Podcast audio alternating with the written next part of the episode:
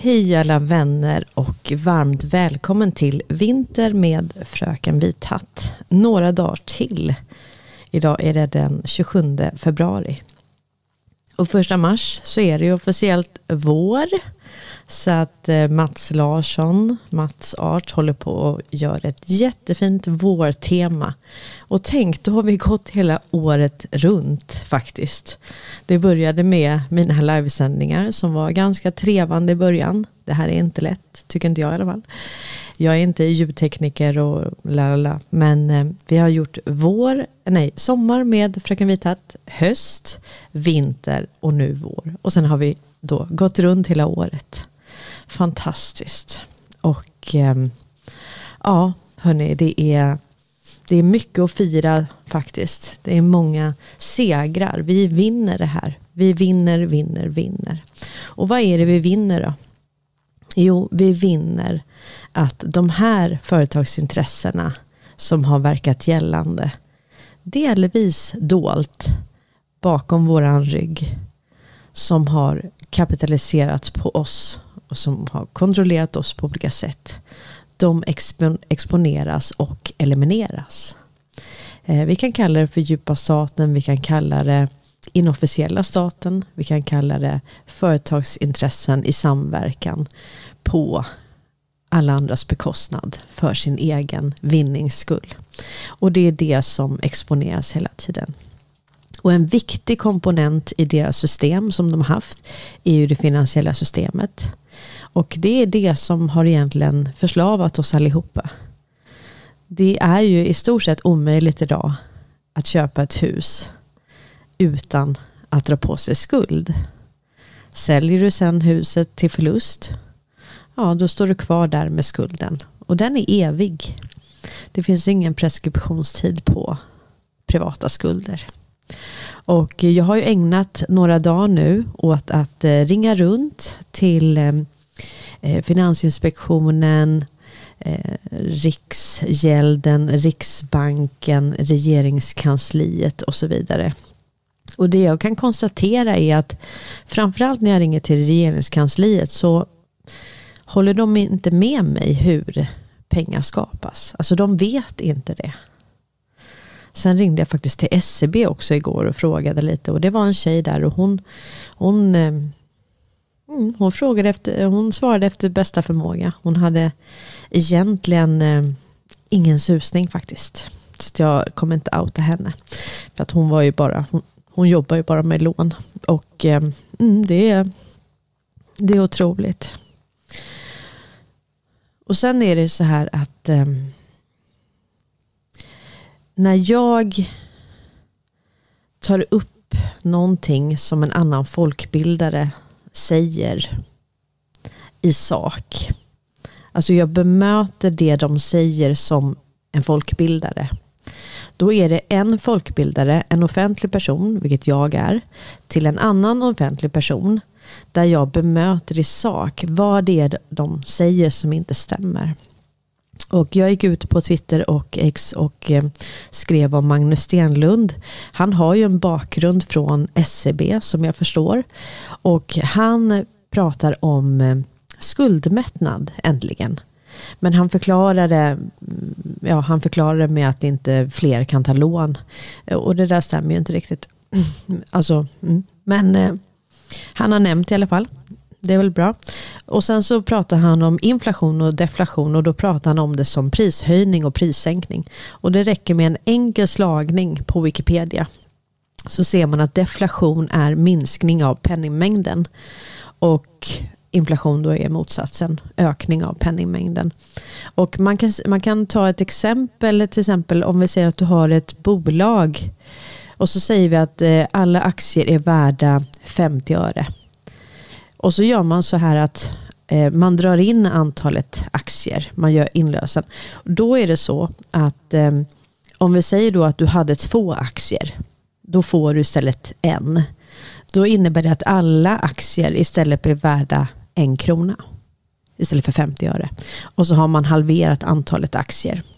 Och det är väl det som är den här styrfunktionen så att säga, den här ventilen.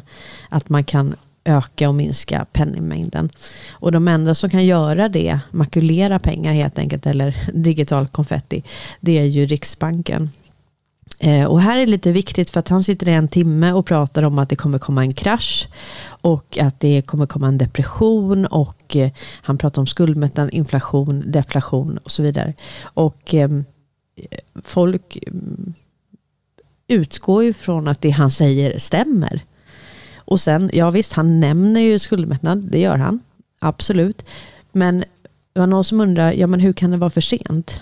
Nej men det, om vi tänker så här att Cervenka då, som verkligen har agerat grindväktare i många, många, många år, som är ekonomijournalist. Så. När han till och med går ut och förklarar det finansiella systemet i detalj och de här kommer efter det, ja då har de ju inte så mycket val så att säga. Då kommer de ju efter mainstream media och då, då tycker jag då, då, fyller, alltså, då fyller ju inte de sin roll. Visst, det är väl bättre sent än aldrig, det säger jag inte.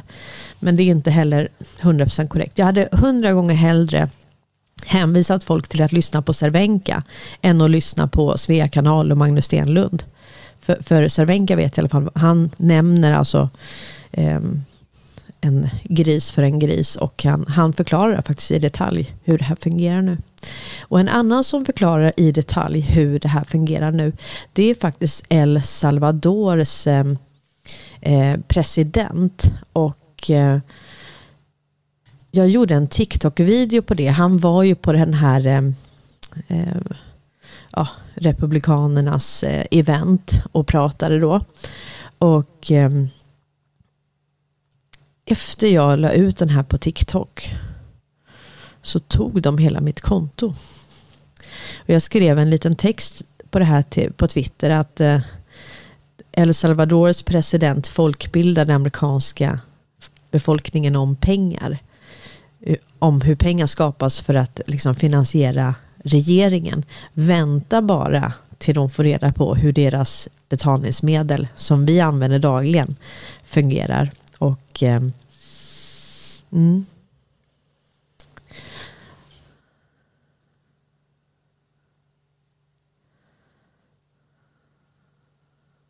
Jag tänkte vi, vi lyssnar på vad han säger här. Jag ska se att det inte är för högt bara. Men jag tycker han, eh, hela hans tal är ungefär 20 minuter. Och nu vet ni att mitt handle då, mitt konto är helt borttaget från TikTok. Eh, men det här är helt fantastiskt. Och det han säger här, för er som har svårt att hänga med. Han eh, har lagt till då så att det är engelsk undertext bara för att det ska bli lättare. Men det han säger här är att det offentliga det finansieras ju av att eh, Treasury trycker pengar och det här köps, eh, köp, köps till stor del av Federal Reserve. Och de trycker pengarna ur tomma luften. Och då är frågan, om det nu är så att man finansierar det offentliga. Vad är det som hindrar att man bara trycker mer pengar och ger ut en medborgarlön? Då kan man trycka mycket pengar som helst ju. Då, då är det bara att ge ut statspapper och så trycker eh, riksbankerna och eh, pengarna då och köper de här statspapperna. Det är väl inga problem. Då kan vi göra det för allting. Var går gränsen? Vad, vad är det man ska trycka pengar till? Ja, men då har du politiker då som eh, gör en budget och säger att ja, men okej, det här ska få gå till det här och det här. Mm, varför då? Varför då? Om vi säger att vi vill inte att det här ska gå till bistånd. Eller vi vill inte att det här ska gå till Ukraina. Utan vi vill att de här 29 miljarderna då som har skickats motsvarande till Ukraina. Vi, vi vill att det här går till befolkningen. Medborgarlön. Det är bara att trycka de pengarna. Det är bara att låta sedelpressarna gå varma helt enkelt. Det är inget som hindrar. Ja, precis. Nu ska vi se här. Ja. There are other symptoms that are even more difficult to diagnose. For instance, the financial situation of the United States. When I talk to my conservative friends right here, they always tell me the problem is high taxes. But they're wrong. Of course, High taxes are extremely high here in the United States. I, I give you that. You're right in that. But th- that's not the real problem. The real problem is not the high taxes themselves, but the fact that they are not even really funding the government. Not even those high taxes, higher than a lot of places in the world, not even those taxes are really funding the government. So who's financing the government? Government is financed by treasury bonds, paper. And who buys the treasury bonds? Mostly the Fed. And how does the Fed buy them? By printing money. But what backing does the Fed have for that money being printed? The treasury bonds themselves. So basically, you finance the government by printing money out of thin air. Someone could ask, someone could ask, well, so if the government can print the limited amounts of money out of thin air, why do they collect taxes?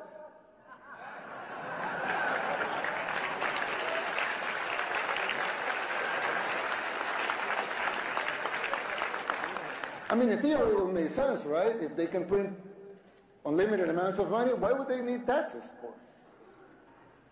The answer is simple, but it's very shocking. The real problem is that you pay high taxes only to uphold the illusion that you are funding the government, which you are not. It's shocking, but it's true.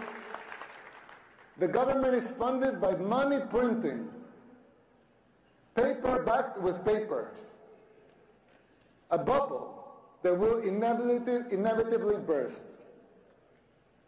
The situation is even worse than it seems, because if most Americans and the rest of the world were to become aware of this farce, confidence in your currency would be lost, the dollar would fall, and the Western civilization with it. If the next president of the United States doesn't make the necessary policies and structural changes, sooner or later that bubble will burst. There's still time. You don't have to make the same mistakes we did in the 60s and the 70s. You can still jump before the water boils. Winning the election isn't enough to solve these problems. They will not simply go away as a consequence of an electoral result. It would take a total re-engineering of the government, top to bottom. It will entail making difficult decisions, like the ones we made in El Salvador since 2019, and they're already paying off. It will be hard.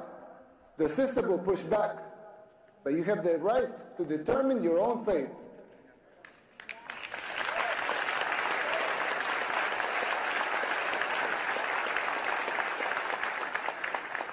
Salvadorans did the same.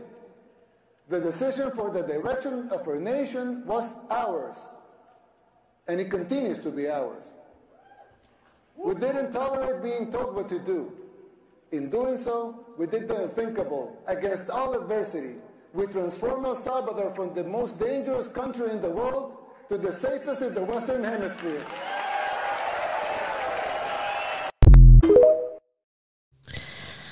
Ja, han gjorde alltså landet till eh, det säkraste på the Western Hemisphere. Om, om vi tittar här då på hur svensk media eh, skriver det här då. Eh, då skriver eh, tidningen så här. Valet liknar en kröning av världens coolaste diktator. Så det är klart att han är en diktator nu enligt svensk media. Så gulligt. El Salvadors kontroversiella president Nayib Bukele är mycket populär och väntas vinna dagens val i stor stil. Tidningen El Faro beskriver som att Bukele tävlar mot sig själv. okay. Ungefär som Trump då. Han tävlar väl också mot sig själv får man väl nästan säga. Det är en kröning säger Noah Bullock på människorättsorganisationen Kristosal. Bukele kontrollerar alla statliga institutioner i landet. Under de senaste åren har han varit skoningslös mot gängvåldet som länge har plågat landet. Över 75 000 människor har gripits, vilket är mer än en procent av befolkningen.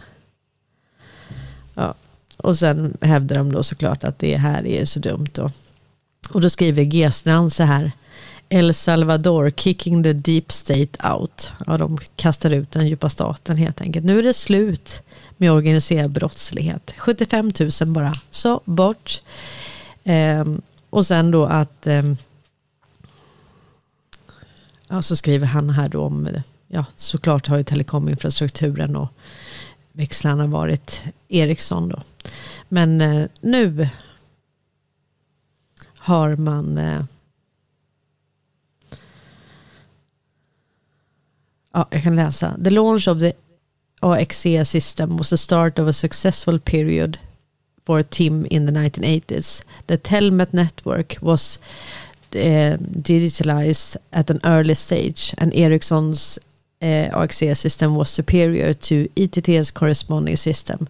TIM also successfully exported eh, uh, AXE-växlar to Ecuador, Costa Rica, El Salvador och Panama. Mm, så har han gjort en tråd om det såklart. Det är ju inget som har gått eh, G-strand förbi såklart. Men eh, det här är alltså en upprensning och det här ser vi i land efter land. De sista åren så har man exponerat, dränerat den djupa staten. Man har strypt deras tillgångar, man har arresterat dem och så vidare. Och eh, det var väldigt intressant. Apropå det, jag bara tar det direkt här nu. Det hör inte alls hit. Men det här var lite intressant att det här var eh, apropå så att säga att det här är eh, koordinerat en stingoperation så att säga. Det här är då knarket. Ni vet att de har ju gnällt och så väldigt mycket. Knarket kommer ju framförallt från Ecuador och, och de här länderna. Och det är ju även det här med bananer. att de har haft de här typen av eh, transporter. Och det, det är därför man kan säga att frukt och mat och så har förflyttats. Vi har ju fortfarande till exempel kött från Argentina här. Ehm, och, och så vidare. Och Brasilien och så. Eh, och det är klart att de måste hela tiden ha transporter för att kunna lägga i andra saker. Såsom knark och så. Och ehm, det har varit väldigt mycket tillslag. Och då, eh, då visade det sig då, det här är då den 28 oktober 2022, en man som jobbar med säkerhet i Helsingborgs hamn larmar Tullverket efter att han har upptäckt något utöver det vanliga. Ett hål i stängslet som avgränsar området. Eh, hörs jag? Mm. När han tittar på övervakningskamerorna ser han hur två män tre kvällar tidigare klippt hål i stängslet och tagit sig in på kajområdet där de går omkring, eh, går omkring bland kylcontainrar. Först har de tomma väskor med sig och sen kommer de dragandes med tunga väskor. Det framgår i en nästan 2000 sidor lång utredning från Tullverket. Och det var ju där det var så mycket kritik nu. För det var ju en chef som hade då kickat ass där. Och de tyckte de och kände de sig så kränkta, de här korrupta tullverkarna. Så att helt plötsligt finns det någon som gör slag i saken och gör massa tillslag och sånt. Det är ju det är inte därför. Det är inte därför tullarna finns till. Ens. En månad tidigare, den 21 september 2022, har myndigheten hittat drygt 93 kilo kokain i en container som har stått uppställd på hamnområdet. Denna gång är det dock inget knark i containern. Eftersom att hamnpolisen i Rotterdam i Nederländerna redan har hittat cirka 102 kilo kokain i en container på väg mot Helsingborg. Som de hade bytt ut till attrapper. Va? Vad är det för människor? Och sen kommer de där med sina tunga väskor, eller tomma väskor som ska bli tunga med kokain. Och sen är det bara trappor. Och sen så fälls de istället. Ja, det här är inte bra alltså. Man kan nästan säga att det här är en eh, terroristkris. Och en knarkimportskris eh, och en eh, gangsterkris och en korruptionskris. Och en riktig kris egentligen för den djupa staten. Men eh, det här verkar koordinerat hörni. Det här verkar väldigt, väldigt koordinerat. Och eh, någonting annat som eh, verkar väldigt koordinerat. Alltså det här är kärlek, respekt och hopp i luften. Det här är alltså Argentinas president på den här republikanska. Och alltså han blir så glad när han ser Trump. Det här är kärlek hörni. Det här är verkligen kärlek. President! Nice to meet you. This is very big president. know an honor for me. Thank you for the work for me. Oh, no. I'm very, I'm very happy. You are very generous to me. Thank you very much. It's a very big pleasure. You're doing a great job. Thank you. MAGA. Make Argentina great again. Come on, let's have some pictures. Come on. yeah, you look fantastic. Come. Det är så gulligt. Make Argentina Make Argentina. Don't cry for me, Argentina. Nej, det, här är, det känns som att de känner varandra. Det känns som att de respekterar varandra. Det känns som att de tycker om varandra. Det är centralt. Är det koordinerat?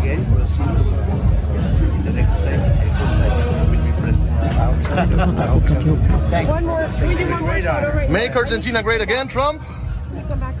Make Argentina great again. ¡Viva la libertad, carajo! Thank you. Have a good time. Thank you. Have a good time. Thank you. I'll see you again. Okay. We will see you. Just be patient. Vet ni vad det där påminner mig om? Det här är det, här är det vinnande teamet. Ser ni vilken segervissning det är i det här är seger alltså. Det är segervittring. Det här är glada herrar. Det här är vinnande herrar. Så känner jag. Jag håller också med för att jag menar, Argentina det, det är alltså mm, och sen är det här, ska de gå med i BRICS, ska de inte gå med i BRICS, eh, dollarn, la la la la. Men på något vis så verkar det som att Argentina ja, de har kokat ihop någonting med den konstellation som motverkar djupa staten. Det är helt klart så. Och han är ju helt enorm när han springer på scenen och exponerar ditten och exponerar datten. Och han känns sådär väldigt eh, opolitiskt korrekt. Precis som Trump gör. Och det gör faktiskt El Salvadors eh, president också. Sådär folklig liksom. Som en man av folket. Det här är liksom tillrättalagda, bara oh, hallå, som Obama stod där och vinkade. Och så. Det känns som att det där är borta. Eh, Susanne Byman Rud säger apropå hamnar, se om man kan lägga det och smuggling. Stena äger över tusen hamnar runt i världen. Koppling mellan Lundin, Kina, Ålandsbanken och Stockholm där. Och sen har vi också ABBs eh, programvara som eh, är eh, kopplat till det där också då. För de har ju haft då själva systemet i hamnarna. Och man kan säga ABB har ju då, kul att du tog upp det för då kommer jag direkt in på, på nästa grej här. För att ABB nu har ju då fått frågor från eh, de måste inställa sig och svara på frågor helt enkelt från den amerikanska senaten om Kinas inblandning. Och eh, nu är de alltså i bråk med den amerikanska kongressen. Och eh, den amerikanska kongressen de säger att de, ABB vägrar samarbeta. De vill inte samarbeta. Och eh, de tar det här väldigt, väldigt allvarligt. Men de har hamnat, jag har skrivit här, Wallenberg, ABB i rävsaxen. De har hamnat helt i rävsaxen. Nu är det så här, nu har de bara rumpan bak helt enkelt.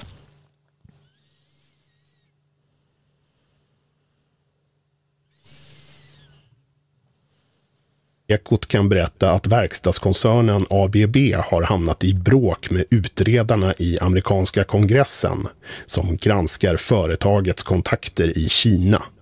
Amerikanska myndigheter misstänker att verksamheten i Kina kan leda till spionage och andra säkerhetsrisker. Enligt utskottsutredningen vägrar ABB samarbeta och komma på förhör. Men enligt företaget stämmer det inte. ABB samarbetar visst, uppger bolaget för Ekot. Ja, som Ekot tidigare rapporterat kallades företrädare för ABB till förhör för drygt en månad sedan. Det är som en del i den utredning som utskottet för inrikes säkerhet och det särskilda Kina-utskottet i det amerikanska representanthuset gör av bolaget. Men i ett uttalande uppger utskottsutredningen nu att citat ABB sedan dess meddelat utskotten att företaget inte kommer att följa uppmaningen. Slut citat. Men ABB uppger alltså att det här inte stämmer. I en kommentar till Ekot skriver företaget citat. Vi tar utskottens uppmaningar på allvar. Vi håller inte med om beskrivningen av vårt samarbete med utskotten. Slut citat. Redan tidigare har det gnisslat i kontakterna mellan bolaget och utredningen. Granskningen har pågått sedan i juli förra året och bolaget har lämnat över en stor mängd dokument och besvarat en rad frågor. Men enligt utredarna har flera viktiga frågor inte fått svar. Bland annat kring om ABB har samarbetat med det kinesiska underrättelseväsendet. Företagets korta svar att man strävar efter att följa lagarna där man har verksamhet, kallar utredarna för oroväckande och menar att det tyder på att ett sådant samarbete kan ha ägt rum. Utredningen kretsar kring mjukvaran till containerkranar som ABB säljer till bland andra tillverkare i Kina.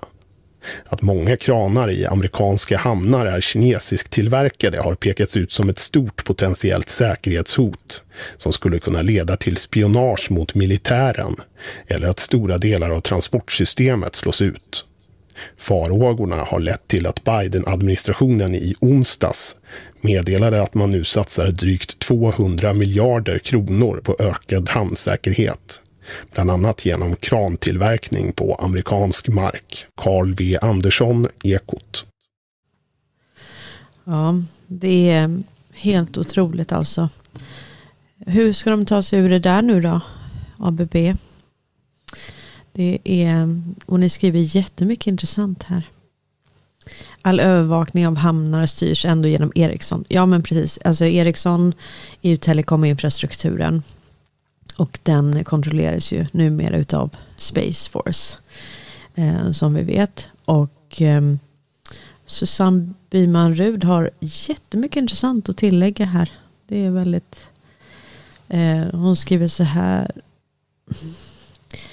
Interoperability systems länkar satelliter till motherboards på skepp, land etc. Signalerna kräver nanoteknologi och chips. Ja, precis. Och man kan säga att Space Force har ju gått ut och sagt att om det inte vore för dem så hade inte GPS-systemet fungerat och då hade inte pizzabudet kunnat hitta var han ska leverera pizzan och eh, det hade inte, vi hade inte kunnat ta ut pengar i eh, sådana här ATMs, bankomater och så vidare. Och, ehm, mm. och sen har vi då ehm, det här var ju för ett tag sedan Uh, och då skriver Karl Norberg, eller han delar det här reelsen då. Och det här var då Donald Trump was the boss, bring back Trump 2024. Och eh, här säger han då helt enkelt att eh, han stänger ner regeringen om han inte får som han vill helt enkelt. Said okay, it. you want to put that You on my... said it. I'll take it. Okay, good. You know what I'll say? Yes. If we don't get what we want, one way or the other, whether it's through you, through a military, through anything you want to call, I will shut down the government. Okay, fair Absolutely. enough. And I am Disagree. proud, and I'll We tell you disagree. what, I am proud to shut down the government for border security, Chuck, because the people of this country don't want criminals and people that have lots of problems and drugs pouring into our country. Han sa det att jag kommer stänga för att det här är farligt. Den här gränsen, det kommer in droger och allting. Och för det amerikanska eh, folkets säkerhet så stänger jag gränsen. Och nu verkar det som att man ska stänga ner faktiskt den 8 eh, mars. Då skriver Axios så här, det är Urban Medin som har delat. Ska se. Republikanerna förbereder sig för en regeringsavstängning. Enligt portalen är en avstängning möjlig redan i början av mars. Analytiker tror att i avsaknad av överenskommelser om att förlänga finansieringen kommer vissa avdelningar att avbryta arbetet den 1 mars och hela regeringen kommer sluta den 8 mars. Och vi minns då att den 10 mars så ska alla lån vara tillbaka till Fed. Fed ligger numera under Treasury och alla de pengar som har lånats ut under den här tiden ska tillbaka den 10 mars. Den 11 mars så är det totalt stängt. Då kommer man inte kunna låna någonting överhuvudtaget eh, från den här bankakuten. Då. Och ehm, Samtidigt noterar experter att även om amerikanska politiker lyckas komma överens om tillfällig finansiering för regeringens arbete måste de senast den 30 april komma överens om en fullfjädrad budget för hela 2024-året. Tidigare undertecknade Biden ett lagförslag om att tillfälligt finansiera regeringen med hjälp utan hjälp till Israel och Ukraina. Dess giltighet upphör i början av mars. Och det här är lite intressant hörni för att eh, jag menar om det är då så som El Salvadors president säger här att Treasury ger ut amerikanska statspapper. De köps upp bland annat av Fed, inte bara. Fed trycker pengar för att köpa de här. Vad är det som hindrar? Bara tryck. Tryck pengar. Tryck pengar. Och det var ju det jag kände när när Trump blev president. Jag tänkte han kommer smälla skiten. Alltså han drog det där kreditkortet hela, hela, hela tiden. Det var liksom satsningar på militären, satsningar på att bygga muren, satsningar på infrastruktur i landet, satsningar på alltihop. Alltså, så han bara drog det där. Han drog kreditkortet helt enkelt. Och eh, Apropå det. Vi ska se. Infrastruktur. Ja. Man kanske skulle dra kreditkortet i Sverige också. Vad tror ni? Rekordmånga hål i svenska vägar. Varit roligare att klippa band. Ja, de springer runt och klipper band och sen har de, vad är det här också? Vad är det för vägar? Det är liksom överallt och det jag kan säga det är stora hålor.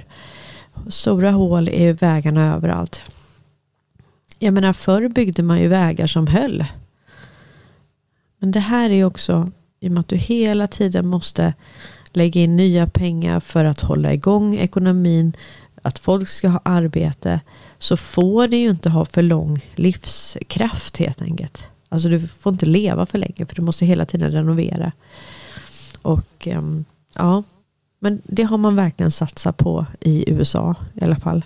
Där har... Eh, och det, är det inte lustigt va, att, ehm, att Trump verkar ha sån otrolig makt. Cozy Pepper gjorde en, eh, en decode om Trump här.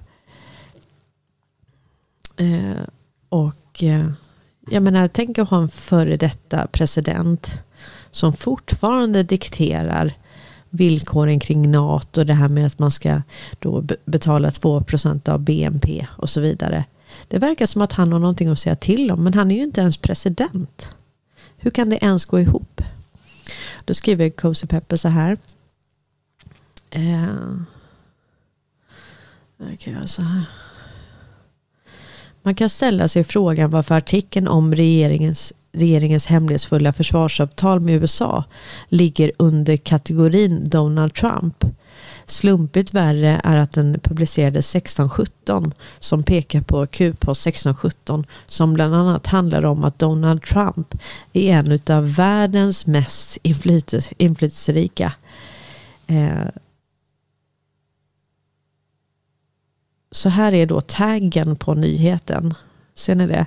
Kritiken mot regeringens försvarsavtal med USA, hemlighetsmakeri, vi kommer rösta mot det. Och det är då publicerat 1617. Ehm, och då skriver Q, det här är Q-post eh, 1617 då från 28 juni 2018. Only the beginning, power to the people. Och sen är det då länk till en eh, artikel i The Time som beskriver eh, vilken makt Trump har. Så det här är ju fantastiskt cozy Peppe. När du gör sådana här små fynd. Fynd, fynd, fynd hela tiden. Det är helt otroligt. Och eh, ja.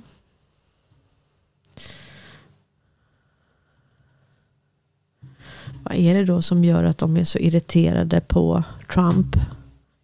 Här är Obama då. Han startade tio krig, eller han var involverad i tio krig. Och han blev inte åtalad. Trump då har ju då alltså, inga krig med 78 åtalspunkter.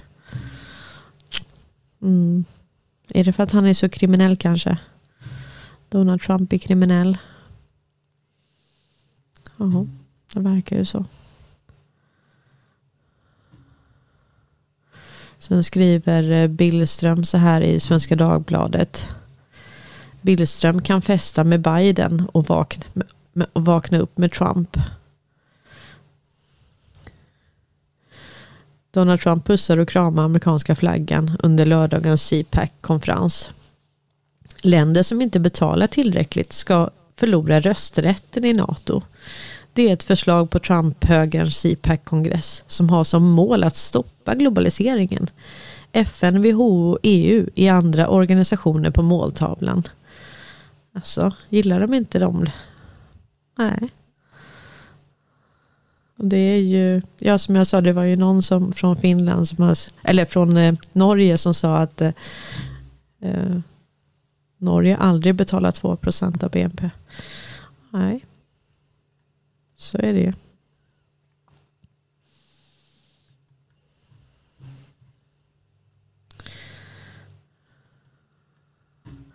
Och nu säger han eh, Storbritanniens eh, Sunak att eh, Rishi Sunak säger att eh, man ska egentligen konfiskera ryska tillgångar. Och sen har det ju stått på olika ställen att man ja, man ska skicka dem till Kiev. Storbritanniens premiärminister Rishi Sunak säger att västländerna måste vara järvare när det gäller att konfiskera militära till, eh, konfiskera miljarder utav eh, ryska, frysta ryska tillgångar. Han delar sin åsikt i en krönika i tidningen The Times skriven för att markera tvåårsdagen av den särskilda militära operationen i Ukraina. Men va? Säger Fox News att det är militär operation? Mm. Det, börjar, det börjar med att vi tar de miljarder i räntor som dessa tillgångar genererar och skickar dem till Ukraina. Och sedan tillsammans med G7 måste vi hitta lagliga sätt att beslagta själva tillgångarna och även överföra dessa medel till Ukraina. Den brittiske premiärministern uppmanar också allierade att vara järvare när det gäller att ge militär hjälp till Kiev, inklusive leverans av långdistansvapen, drönare och granater samt sanktioner. Ja, det är ju så att eh, BAE går ju för högvarv i alla fall. De jobbar ju, vad är det, Treskift, fyrskift. Ja. Så Sverige gör vad de kan då. Och eh, Mm. Zelensky han gjorde ett sensationellt erkännande. Han menade att Putin insisterade på vapenvila. Men va? Var inte han en krigshetsare som ville utöka Rysslands territorium till forna Sovjetunionen? Nej. Chefen för Kiev-regimen Vladimir Zelensky gjorde ett intressant medgivande vid presskonferensen Ukraine 2024. Han sa att Vladimir Putin vid ett personligt möte 2019 bad honom att upphöra med elden i Donbass och helt begränsa fientligheterna och dra tillbaka trupper från gränslinjen. Detta var de första punkterna i Minskavtalen, vars genomförande var att inleda en politisk uppgörelse. Således erkände Vladimir Zelensky att Ryssland inte agerade som en angripare, som det hette i Poroshenkos administration. Dessutom förespråkade Ryssland, enligt hans egna ord, en fredlig uppgörelse. Det här var alltså 2019. Vid det mötet gick Zelensky själv med på att det var öns önskvärt att stoppa fientligheterna. Men han vägrade dra tillbaka trupper och var skeptisk till Minskavtalens genomförbarhet. Men han upprepade inte sina exakta ord utan med hänvisning till glömska. Han hade glömt då vad det var han sa. Ja, när det kommer fram allting vad Ukraina egentligen är och var med eh, tillverkning av kärnvapen, barnfabriker, biolabb, livsfarlig forskning för mänskligheten. Alltså varför håller de på att forska på massa livsfarliga um, bakterier och virus och allt vad de har. Om det nu finns virus, jag har ingen aning. Ingenting är som de har sagt. Johanna Lindberg skriver att Zelenskyj klagade tydligen över att Putin inte hade någon mobiltelefon och därför inte kunde kontakta Putin. Nähä. Då S inte äger någon telegram från 1917. Jaha. Det är ju jättetrassligt det där om man liksom inte kan kontakta någon. Det förstår jag är jätte, jättejobbigt. Och sen var det någon som hittade en intervju och jag gick faktiskt in och lyssnade på hela den här. Eh, det är The Fallen State och det här är en eh, 50 billion man kallas han. Eh, Dan Peña. Och jag tror att han är, ja han är italienare ja, hans pappa var i alla fall det. Och han kände Trump för 25 år sedan. Och eh, ja, han ger en liten annan bild helt enkelt av vem Trump är. Or character, what do you think? I agree, 100%. Uh, Lack of moral fiber. Yeah, absolutely. I got to ask you about the Great White Hope. You know what that is? Uh, I, I, believe you mean uh, President Trump. Right on the money. I call him the Great White Hope. You remind me of him somewhat. What's well, your... full disclosure, I knew President Trump 25 years ago. Oh, you did? He and I, not we didn't hang in the same circles, but we used the same law firm. One of my former business partners was the former governor of New York, Hugh Carey, uh, who uh, was a partner in the law firm, uh, same law firm that the president used. And yeah. so, but the last time I saw President Trump was 1993 uh, at the grand opening of the MGM Hotel in Las Vegas. So, have you ever like ran into him? At oh, a yeah. meeting or something oh, like that? yeah, yeah. And so were you both like tough with each other? Hey, oh, man, yeah. hey, man, how you? Yeah, well, he, he, he is 10 times tougher than he comes across on TV. Oh, yeah? At least maybe 100 times. Wow. I mean, he is a ball busting, hold you accountable. Yes. If you tell him that you're going to be on the moon by next week, you better be on the bloody moon next week. Yes. and so, I mean, he doesn't he doesn't take any excuses. That's amazing. I, I like him for that too. That's why I yeah. think we're fortunate to have him as president. Uh, did you, you, didn't vote for him because you're not a citizen. No, I, am still a citizen. Did you vote and for him? I, uh, uh, no, I didn't. Why not? because I wasn't registered to vote. I'm, I am now registered to vote. Oh. But in uh, late 2015, early 2016, I said if, if Donald Trump is serious about being president, he's going to win in a landslide. Yes. Okay. Yes. And uh, the now, uh, and if he can keep from getting impeached, uh, uh, he's going to win in another landslide. Yes. Uh, this next time around. They definitely want him out, man. They hate oh him yeah, because he's a man. He has changed the way um, uh, you build wealth forevermore. We're now go- undergoing the greatest transformation of wealth in the history of the world. Yes. Interest rates are the lowest they've been in 5,000 years. He's done away with 70, 80% of all the bureaucratic crap that you have to do to file for papers and get money, etc. Uh, he's done a, a darn good job. white people, and especially white, straight, conservative Christian men, are the most hated people by the people of color on this side of heaven. Why are white people so hated when they're the one really built the greatest societies on this planet? America, Europe, but they're the most hated. Why is that? Well, I believe it's primarily because of the liberal uh, news media. Uh, For example, four or five months ago, there was a, um, a viral thing, didn't even go viral. A black school teacher, I believe in Alabama, who beat a white student. He deserved a beating. Yes. Okay. He, she Yeah. hit him with a, a mop about six, eight times upside the head. Okay. And Ja, jag hade inte klippt bort. Men eh, det viktiga där, det är det att eh, han menar på att eh, om du har sagt någonting till Trump, att du ska göra ditten eller du ska göra datten, då gör du ditten eller datten. Han är stenhård. Och nu pratar vi alltså Donald Trump för 25 år sedan. Den typen av respekt hade han med sig då. Att har du sagt till Donald Trump att du ska göra det här, då gör du det. Och det här är väl motsatsen till den ryggradslöshet som vi har här. Alltså vi ställs inte ansvariga för det vi säger och gör. Nej, vi får inte ställa någon till svars och vi själva kan bara, nej jag ångrar mig och så. Jag kan säga det där och som sagt, det där är otroligt viktigt. Om jag har suttit och sagt saker i min kanal, det här och det här, då är det så att jag får stå till svars för varenda ord som jag säger. Och det här är inte min stingoperation.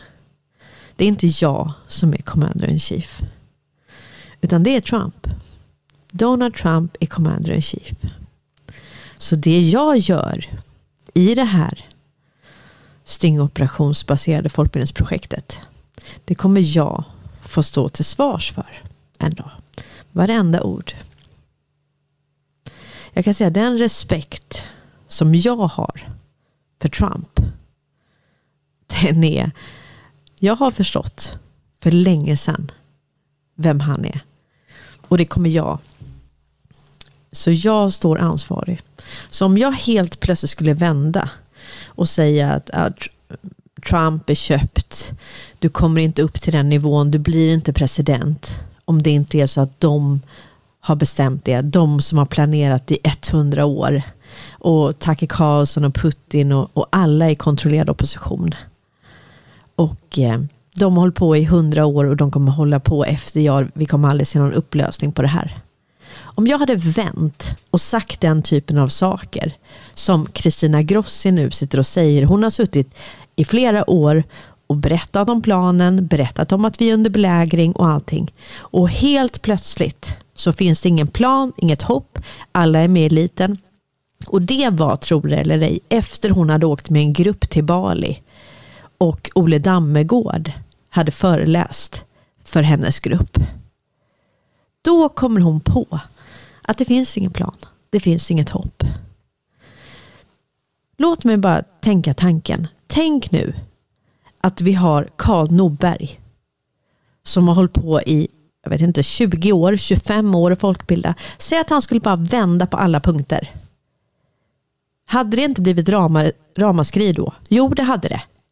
Folk hade blivit skitförbannade på honom och ställt honom ansvarig. Du har sagt det här och nu helt plötsligt så vänder du. Så jag frågar mig själv, hur kommer det sig att det bara är jag som ifrågasätter när någon vänder helt? Och det här har hänt genom det här folkbildningsprojektet så har det varit människor som har vänt och vänt och vänt hela tiden. Ni kommer ihåg han som gjorde Out of Shadows, Kevin eh, Chip, han som var CIA. Då visade det sig att han var kvar med CIA. Han, han vände helt sen. Och det här har vi sett gång på gång på gång. Och det jag menar det är att vi kommer hållas ansvariga för vad vi har gjort eller inte gjort i det här folkbildningsprojektet och vad vi har vetat eller inte vetat. Glöm nu inte att allting är geofensat, allting är avlyssnat. Allting. Och när man säger att alla, alla är till salu, alla kommer sälja sig själv till högstbjudande. Då kan jag säga så här, då har inte vi sett samma saker. De som jag har sett och lärt känna, ni som lyssnar på den här kanalen bland annat. Det jag har sett är totalt omutbara människor som har förlorat både jobb, vänner och familj genom allt det här. För att stå upp för er själva, för att stå upp för era rättigheter och för att stå upp för ert medicinska val. Vad ni skjuter in i er kropp och vad som inte ska skjutas in där. Och för det har vi betalat ett väldigt högt pris allihopa. Och att då sitta och säga att alla vi skulle vara ryggradslösa människor som bara skulle sälja oss själva till högstbjudande. Det är riktigt provocerande och jag blir riktigt, riktigt förbannad. Och det är så här, är man en offentlig person som svänger så, då ska man, då tar man det offentligt. Och jag har inte diskuterat det i person, jag har diskuterat det i sak. Och för mig är det här skitallvarligt. Jag är inte den som kommer döma det här. Men det här handlar om förtroende. Det här handlar om förtroende. Och vad man gör eller inte gör och det man har gjort och inte har gjort, det man har vetat eller inte vetat i det här. Så den respekt jag har för min commander in chief, vilket är Donald J. Trump, det gör att jag kommer vara så transparent jag bara kan. För jag vet att jag kommer få stå till svars för det. Vi utför alla ett otroligt viktigt arbete i det här. Och om vi vilseleder andra människor, om vi låter oss mutas, hotas, köpas i det här, så kommer det komma fram. Och det kommer bli konsekvenser för det. Så, nu har jag predikat färdigt. Men det här är... Mm. Mm. Jag ser det som otroligt allvarligt. Faktiskt.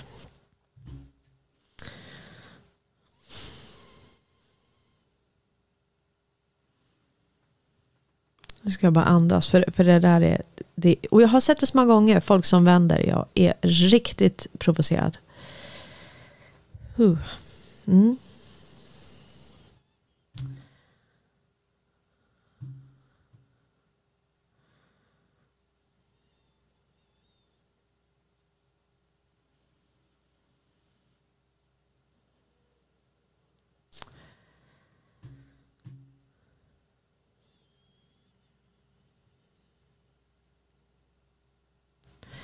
Okej, nu kör vi vidare hörni.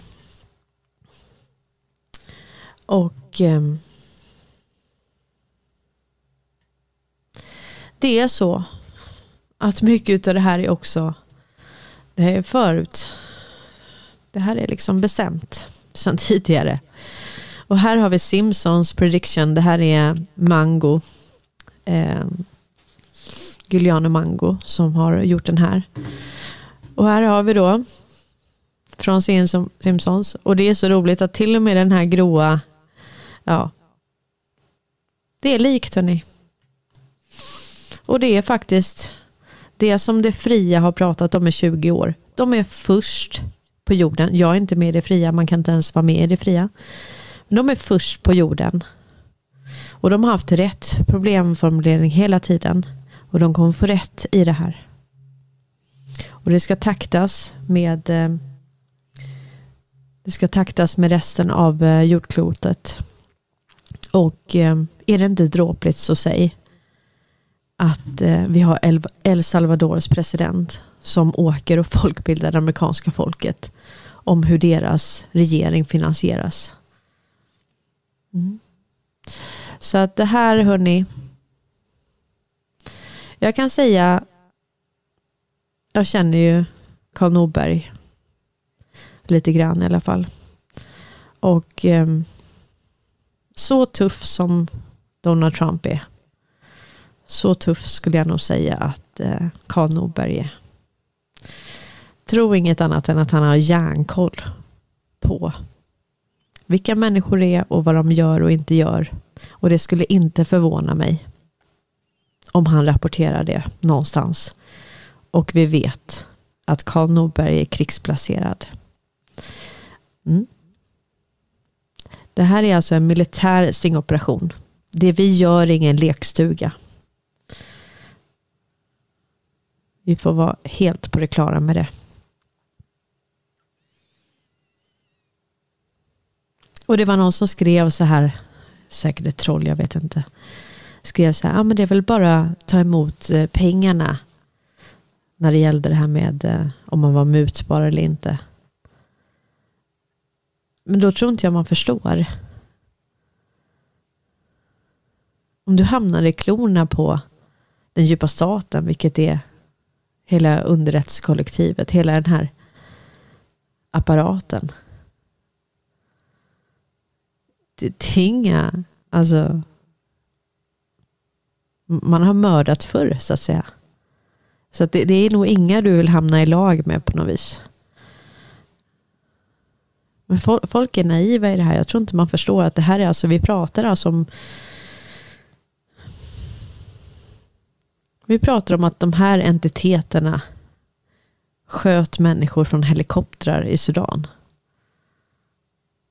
Ungefär så mycket är ett människoliv värt för dem. Det kan vara bra att ha med sig det. Och det här är då en eh, Karl Norberg, han var på det här var Marcus Ljunggren som la ut. De var på, jag tror att det här var 2014 och de var på i Almedalen.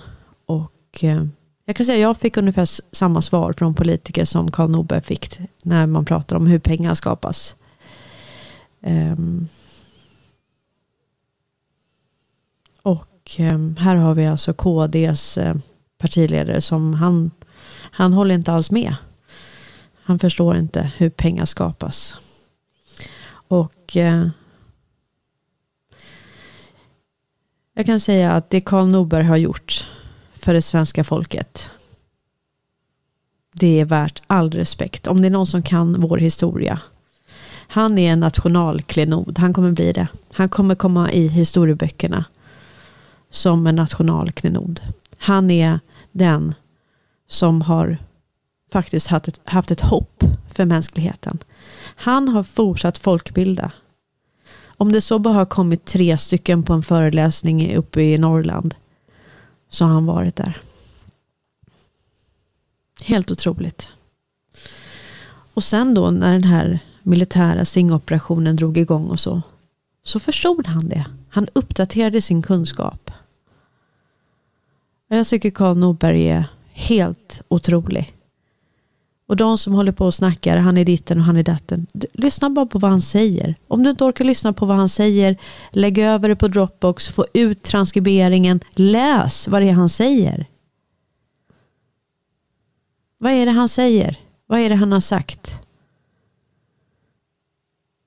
Han har inte haft fel i någonting. Jag har inte hittat någonting som han har fel i. Däremot så är det inte någon annan jag känner på den här planeten som har så mycket koll på både Sveriges och eh, ja, hela den geopolitiska historien. Mm. En eloge till dig Karl Norberg, faktiskt. Jag har velat ta upp en diskussion med flera av dem under dagen och de kommande dagarna angående deras syn på tillvaron och den politiska utvecklingen i Sverige. Och vi kommer även försöka vinkla det till att de tvingas ta hänsyn till den utveckling som sker i omvärlden med dramatisk hastighet. Något som de eh, vänligt uttryckt försöker förminska i någon omfattning. Trots att IMF har sagt att vi står inför en global omvälvning av betydande magnitud. Men om det hela tiden krävs en ökande skuldmängd, skuldmängd och skuldmassa, och penningmängd, är det ett problem att ackumulera en ränta som till slut blir för stor för att helt kunna betala det? Ja, om det skulle vara på det viset så skulle det vara ett problem. Därför är det viktigt att hålla kontroll på det. Ja, men det är ju en inneboende funktion Ja, alltså du säger det, men det, det är klart att vi har haft perioder när, när skuldmängden har minskat. Eh, och eh, det här måste hela tiden, alltså i en växande ekonomi så är det klart att också eh, lånevolymerna kan öka. Men det där måste hela tiden. Jaha, men det spelar väl egentligen ingen roll om man kontrollerar det eller inte eftersom det är inneboende matematiskt. Ja, det beror ju på vad man gör. Alltså är det så att vi till exempel har amorteringskrav, är det så att du inte får låna till mer än 85 procent av, av värdet på det som du investerar i, så är det klart att det, det, det begränsar skuldökningen. Men om skuldmängden måste öka för att försörja den ökande Ja, men det håller inte jag med om att det skulle vara på det viset. Så det är, inte, det är inget absolut förhållande att penningmängden måste öka, utan tillväxten måste öka för att försörja den ökade räntekostnadstillväxten. Ja, det, det, där beror så mycket på så många andra faktorer om hur, hur ekonomin, alltså den ekonomiska politiken bedrivs, på Riksbankens roll och naturligtvis den internationella konjunkturutvecklingen. För att eh, vi har ju sett genom åren upp och nedgångar när det gäller lån. Ehm, se om jag är tillbaka. Det börjar lagga rejält där. Uh, Göran Hägglund och då hänger, sig, hänger det sig. Varför blir jag inte förvånad? Nej, det, det, är liksom, det är samma sak när vi pratar om hur pengar skapas. När jag la upp det här om eh, eh El Salvadors president när han pratade så blev vi av med hela mitt konto. Så det är väl precis som att det ska ut men det ska, ja jag vet inte, vi kanske går för fort fram, vad säger ni? Vi trycker på, vi skiter i. Ja. Och vet ni, nu skriver Elisabeth Strandberg så här. Jag blir tårögd när jag tänker på allt vad Karl har tillfört under så lång tid. Mm. Jenny skriver, och jag sitter också med tårarna i ögonen. Du Cornelia, Karl, Conny, tack med flera. Ja hörni, det här är, och det skrev Erik Heisel innan här att eh,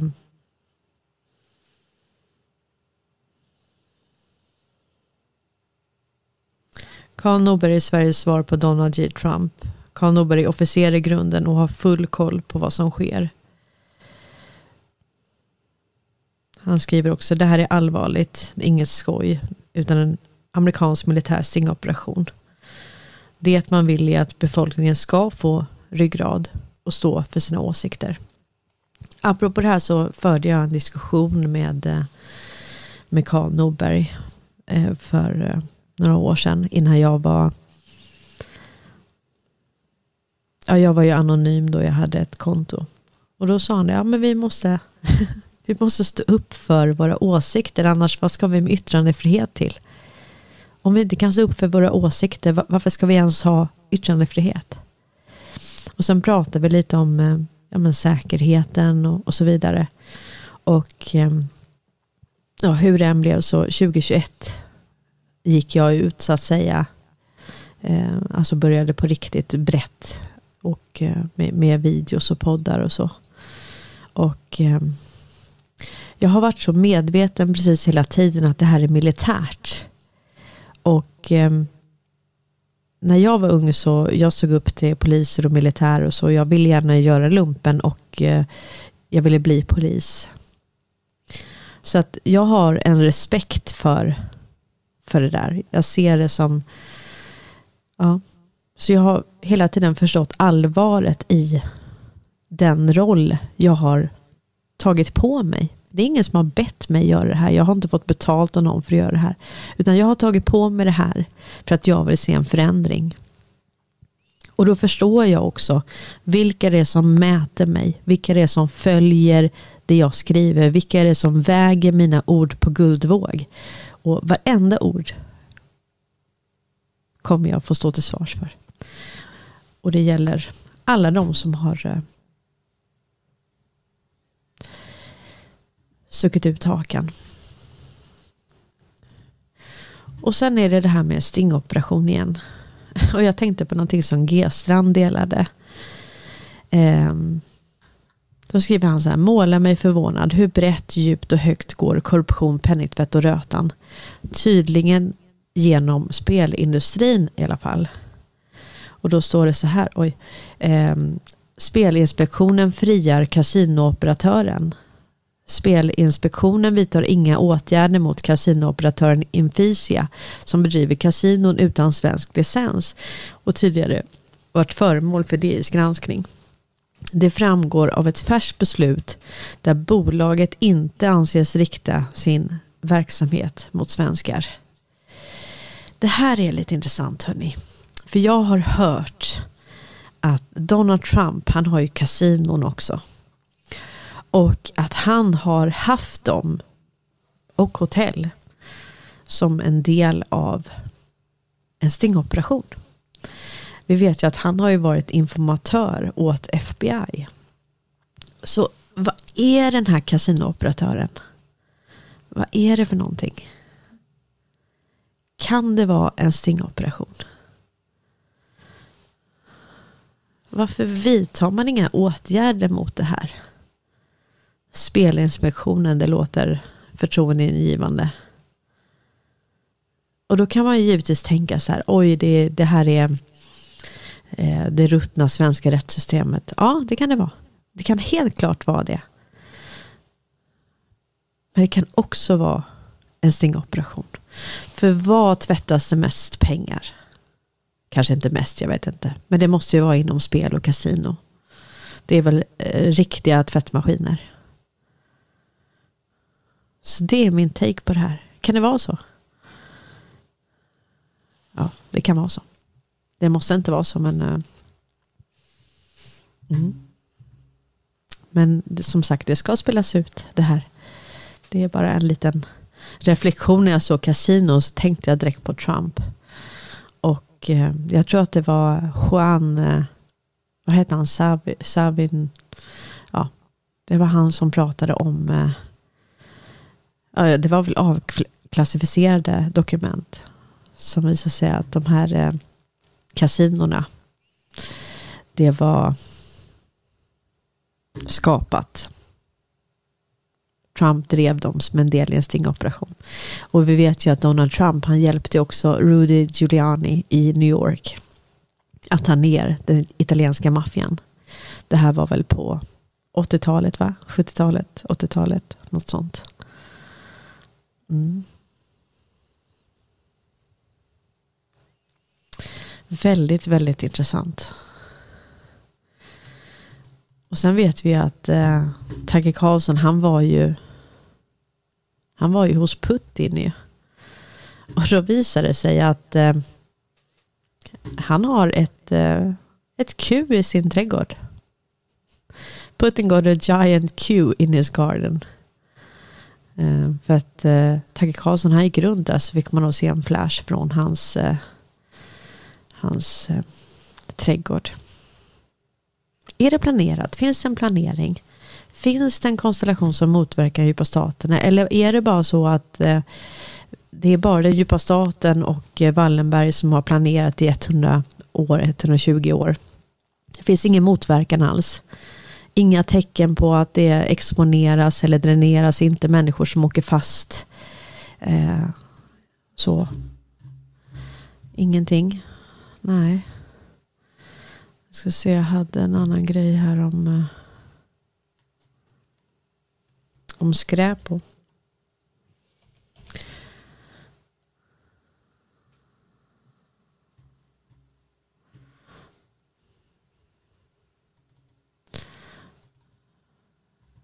Det här är lite intressant. Apropå det här med informationshantering och så vidare. Morgan Johanssons fru döms för dataintrång. Och hon råkar vara anställd på Säpo.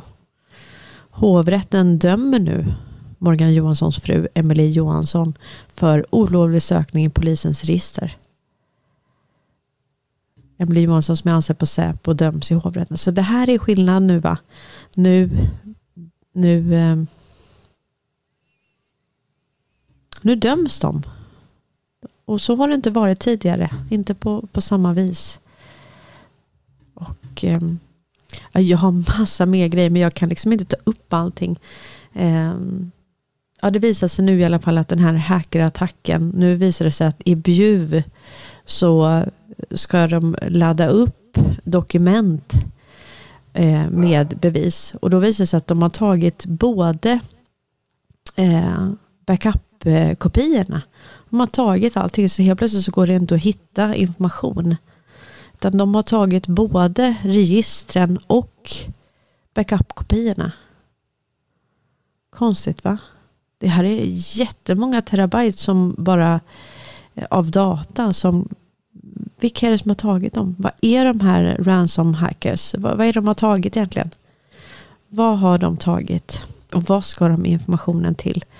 Och varför ska de ladda upp den informationen? Och varför har de till och med tagit säkerhetskopiorna? Är det någon som har försökt städa? Det är lite sent va? Det är för sent om något. Och jag tänkte vi ska avsluta med att prata om eh, Sverige under belägring. Och eh, vi vet ju att Maria Sakarova hon gick ut och sa att eh, de nordiska länderna har en förmyndare. Och det, det betyder att då är man ju inte suveränt. Och sen har nu Jan Guillou gått ut och han säger att Sverige har ju underkastat sig USA. Sverige har underkastat sig USA. Frivilligt eller ofrivilligt, men de har underkastat sig USA. Och så står det så här, det ser ut som att Sverige har legat i krig mot USA och förlorat. Åtminstone när man läser de senaste försvarsavtalet mellan vår regering och USA. Där införs amerikansk överhöghet i Sverige. Vad säger det här då? Och jag, jag pratade om det när, när jag körde med G-strand i, eh, i söndags. Tack så mycket André som gör undertext både på finska och eh, engelska. Du är helt fantastisk och jag tackar verkligen för det. Och eh, även min video om eh, Michael Rawlinson har eh, han gjort. Jag tror både finsk och engelsk undertext under. Så det är ju helt perfekt. Och om vi tänker på Hamilton och att egentligen den som har motsvarande utbildning som Hamilton hade, eller egentligen har Mike Rawlinson ännu mer utbildning. Och då visade det sig att när de spelade in Hamilton, vissa scener där, då var faktiskt, agerade Michael Rawlinson stunt, stuntman. Så han var stuntman helt enkelt. För några av de scenerna. Och eh, ja, jag undrar var Jan Guillou har fått manuset till alla de här Hamilton-böckerna och Eh, det, det påminner ju om Ivar Thord Grey. Ivar Thord Grey som satt och berättade sagor. Han stred ju för 13 faner men inte för Sverige som vi minns. Och han satt ju och berättade det här för Astrid Lindgren. Och det resulterade sen i olika sagor. Och eh, Jan Guillou, han har ju också fått manus av någon. Och när han gör filmen så är Michael Rawlinson alltså stuntman för några av de här um, scenerna i den filmen.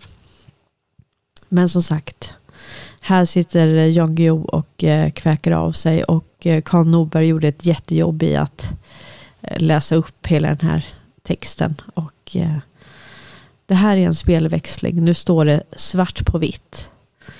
Och frågan är hur det förändrar allting. Om Sverige är under belägring. Så att eh, tack så mycket för idag. Vi har rivstartat den här veckan. Och eh, vi ses igen imorgon klockan 12. Tack till alla er som stöttar den här kanalen. Och eh, stöttar mig i mitt arbete och delar information med mig. Och eh, jag håller med om att jag är tuff. Men nu är det så här, det är folkbildare mot folkbildare. Det är ungefär som du har en politiker som pratar om vad en annan politiker säger Det är viktigt vad man säger det här. Det här handlar inte om person. Det här handlar om vilket narrativ man för sig med. Vad det är man berättar för människor. Och de orden som man har uttalat, de kommer man få stå till svars för. Och är det så att man är offentlig person och inte kan stå till svars för sina ord, eller bemöta det i sak, då har vi ett problem. Jag ska kunna ifrågasätta vad en annan folkbildare säger. En politiker ska kunna ifrågasätta vad en annan politiker säger. Det, det är ingen lekstuga det här.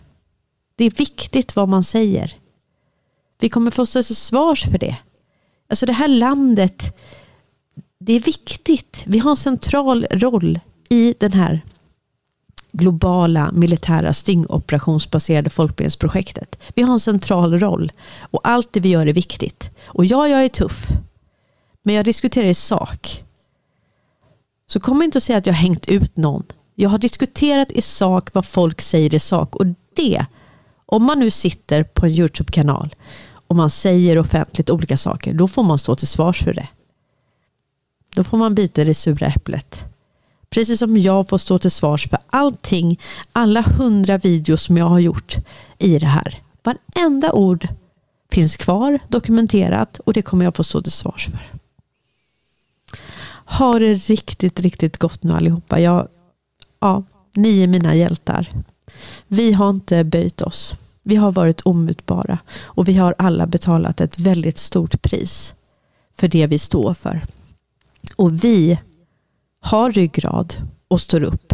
Och det är det som är så fantastiskt att äntligen har jag hittat människor i det här som verkligen tycker någonting, som brinner för någonting, som står för någonting. Och det är därför jag älskar att göra det här tillsammans med er och det är därför jag älskar att göra livesändningar så att man får den omedelbara responsen från er. För det betyder allt. Mm. Stort tack för idag vänner. Ha det riktigt gott.